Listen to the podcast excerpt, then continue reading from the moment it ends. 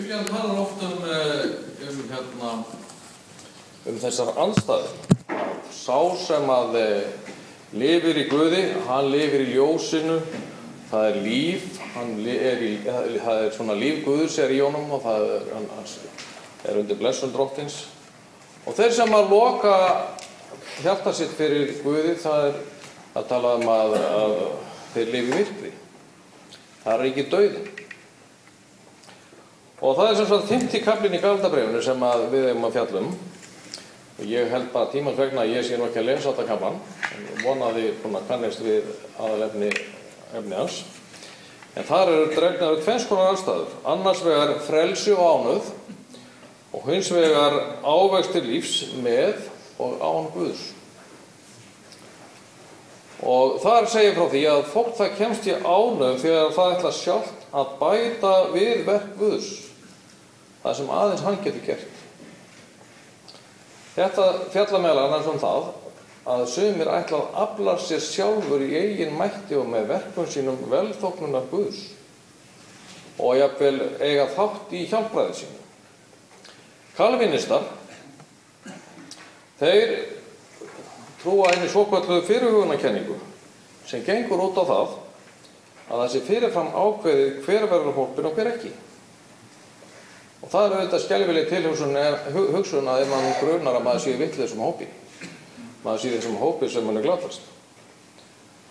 Og um, sá maður sem hefur, hefur verið kallað faðir félagsfæðinar, Max Weber, hann uh, þjóðveri, hann skrifaði fyrir mörgum árum mjög fræga bók sem er víðað lesin. Hún er, ber nafnið The Protestant Ethic and the Spirit of Capitalism eða siðfræði mótmælenda og antikapitalismans.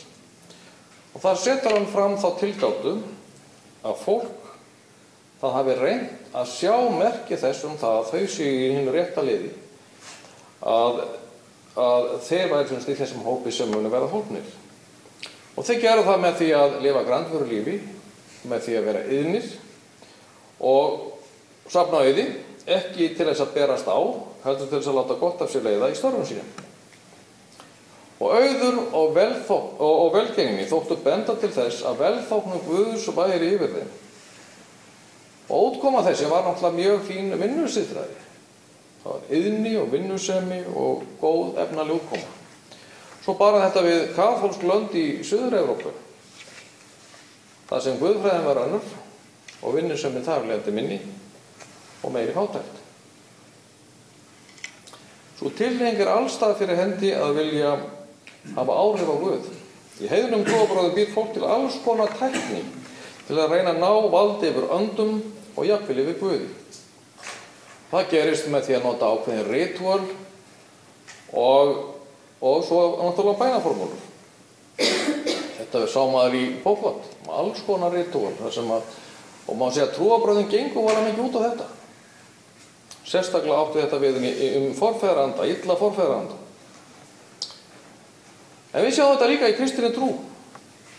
Sumir halda að þeir lifa nógu grandföru lífi, þá munir það hafa jákað áhrif á Guð og afla þeim velþóknunar.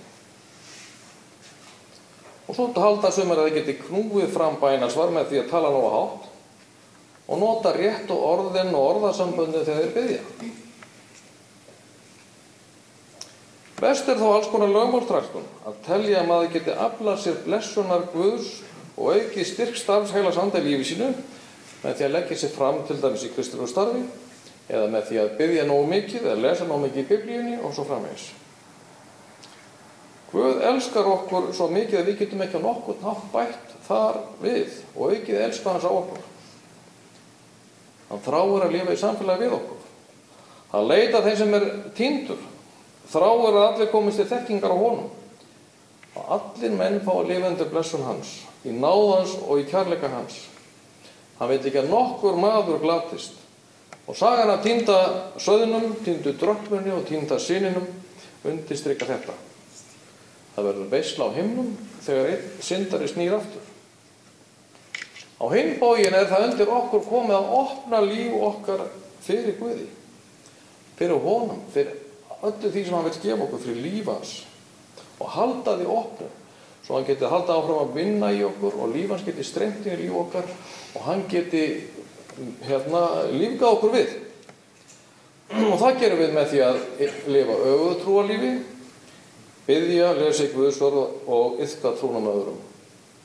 Við höfum bara að gera greina minn á því að það í sjálfur þegar afbar okkur ekki velfanguna Guðs, það veitur okkur blessum. Og stundum rugglar fólki þessu saman.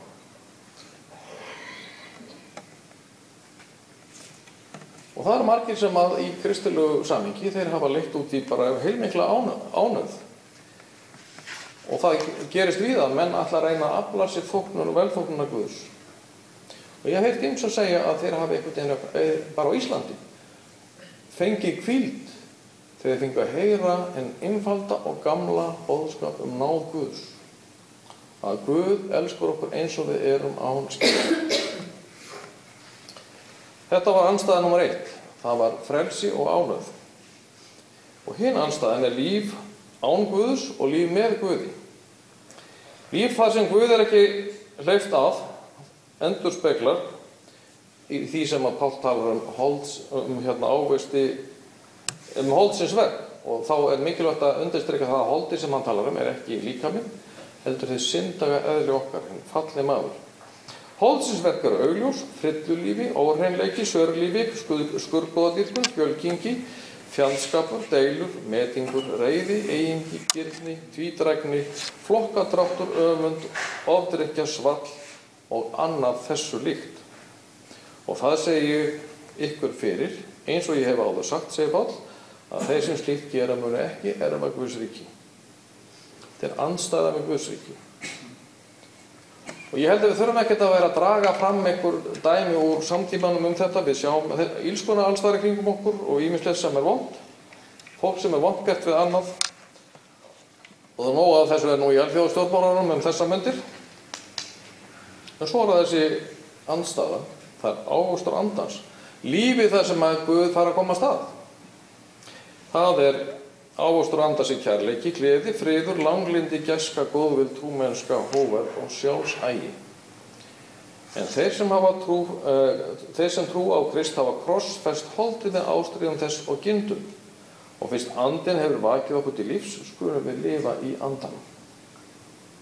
Lífið í Guði skapar eitthvað nýtt. Það endur skapar fólk, gefur því nýtt hugafar, nýtt áhugamál, nýjar áherslur.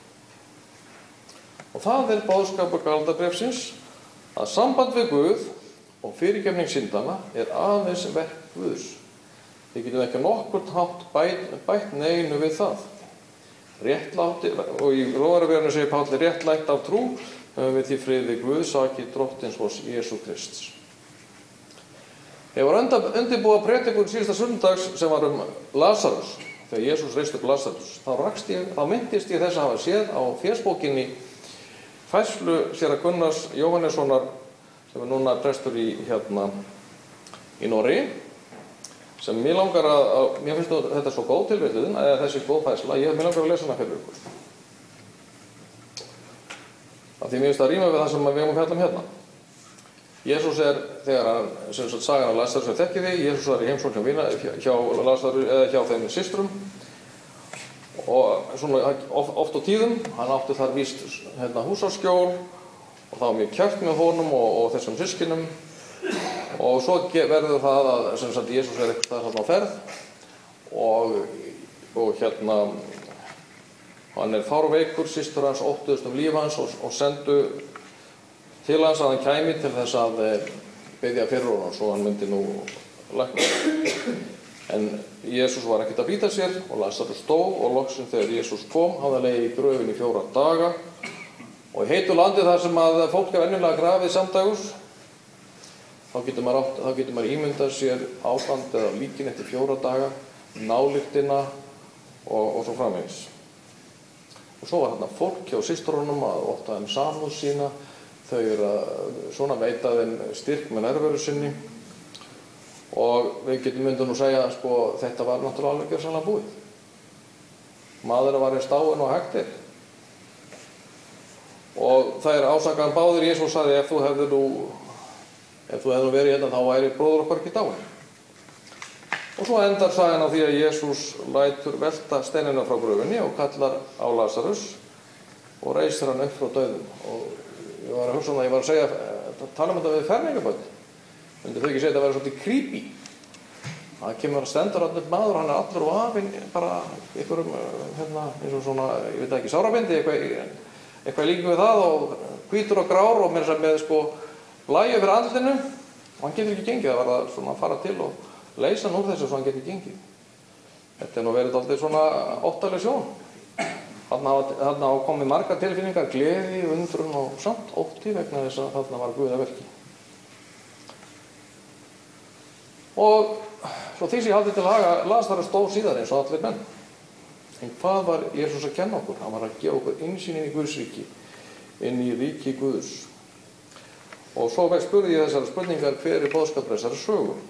En svo er náttúrulega margir sem trú ekki kraftverkinu nútíma menn þeir eru svo vel upplýstir og alveg vel lærður þeir geta ekki trúað svona lögu og þá hérna er fæslan Richard Dawkins, því þekkja því sem hann hann er mjög svona einna fremstu talsmannum nútíma guðleysis hans telur að þeim vísindalega heimsmynd sé svo miklu meira spennandi ljóðrætna og uppfyllir af undrum en nokkuð af því sem henni fátæku óra trúar hann geta dreyið fram Í einna bóku sínum lýsir Dawkins hvað hinn guðlausa heimsmynd hans felur í sér. Og hér er tilvitnum. Í alheimi blindra efninslegra lögmála náttúrunar og erðafræðilegra fjölföldunar verða sumir hart leiknir en aðrir hafa hefnina með sér og þú finnur hvorki ástað á bakvið þannig réttlæti.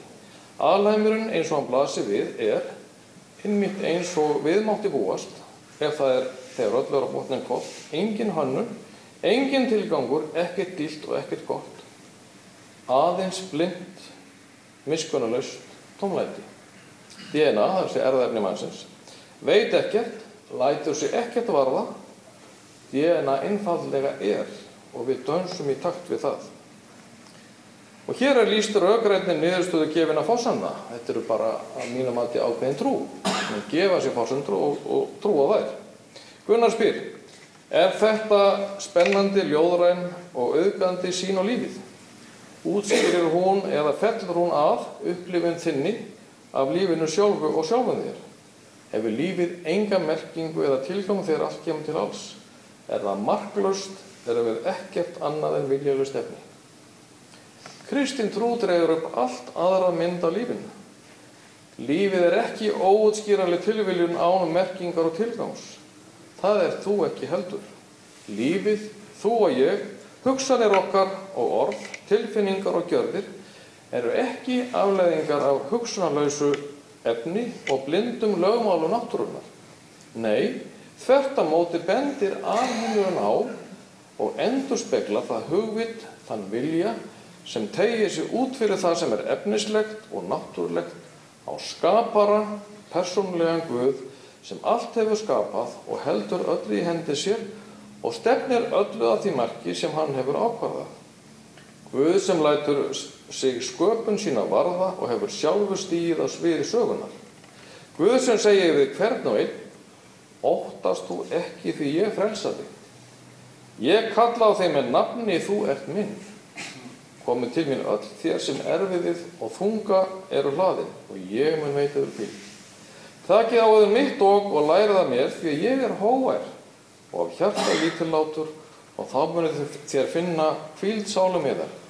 Því að mitt og er ljúft og byrði mér létt. Ég er komin til þess að þér hafi líf. Líf í fylgstu gnæð. Að vera kristina trúar út til okkar ekki að hortsi á lífið í ljósi vísindarlegar þekkingar. En kristin trú Svo heimsmynd sem grundvallast á Guðs trú útilokar Guðlausa heimsmynd og þá náttúruhyggju sem hún byggist á. Og spyrja má, hvor heimsýnin er skinsanlegri? Hvor fellur betur að þekkingu okkar á og upplifuna af lífinu? Og þetta er náttúrulega mjög þýðingamíli spurning sem allir velta fyrir sér. En burt séð frá því hvernig þeirri spurninga svarað er engin vafi hvor heimsýni það er sem kalla fram undrun og auðgar og gleður andans. C.S. Lewis kemur svo að orða á einu stað von merkir að horfa statt og stöðugt fram til eins eilífa heims Það þýðir ekki að við forðumst þennan heim eins og hann er. Ef þú kynni þér söguna sér það að það kristna fólk sem let sér þennan heim mest varða var einmitt það fólk sem mest hugsaði um hinn komandi heim. Ástæðan fyrir því að kristið fólk hefur minni áhrif í heiminum í dag er fyrst og fremst svo að það er hægt að hugsa um hinn heiminn. Taktu mið af heimninum og jörðin fylgir með. Taktu mið af jörðinni og þú verður á kóru tvekja. Þetta segir í bókinni með Kristjánið. Eins og ég sagði áðan, hver er bóðskapur sögunar á Lazarus? Hún er, hann er sá, Jésús, Guð er á meðal okkur. Hann veitur okkur einsinn í eilíðina í þeirri sögu. Jésús sagði við mörtu, ég er uppræðsinn á lífið, sá sem trúur á mig mun lifa þóttan degi. Og hver sem lifir og trúur á mig mun aldrei að eilífi degi. Og svo spurði hann, trúir þú þessu? Og hún sagði, já, drottin, ég trúi að þú sért Kristus sonur hins, sonur Guðsins koma skal í heiminn. Hún, hún stóð þarna þessar stundum frammi fyrir Guði. Það er kjarna aðrið kristinni trú að Jésús er upprinsinn og meðal okkar í heilu og manda. Og sami krefturinn sem reisti Jésúi frá döðum, hann býr í þeim sem trúir.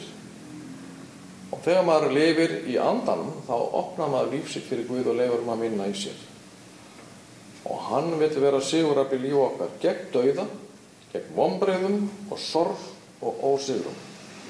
Hann vil skapa líf, hann vil endur skapa líf og gefa okkur sigur og von í líf okkar. Það sem hann er að verki, þar byrtast áveistir heila sanda. Og það má kannski spyrja okkur sjálf, við getum spurt okkur sjálf, trúum við þessu. Og það er verkefni okkar, ef við viljum að Guð verði virkur í líf okkar, að það er að vinna því að halda líf okkar sífælt opnum fyrir honum.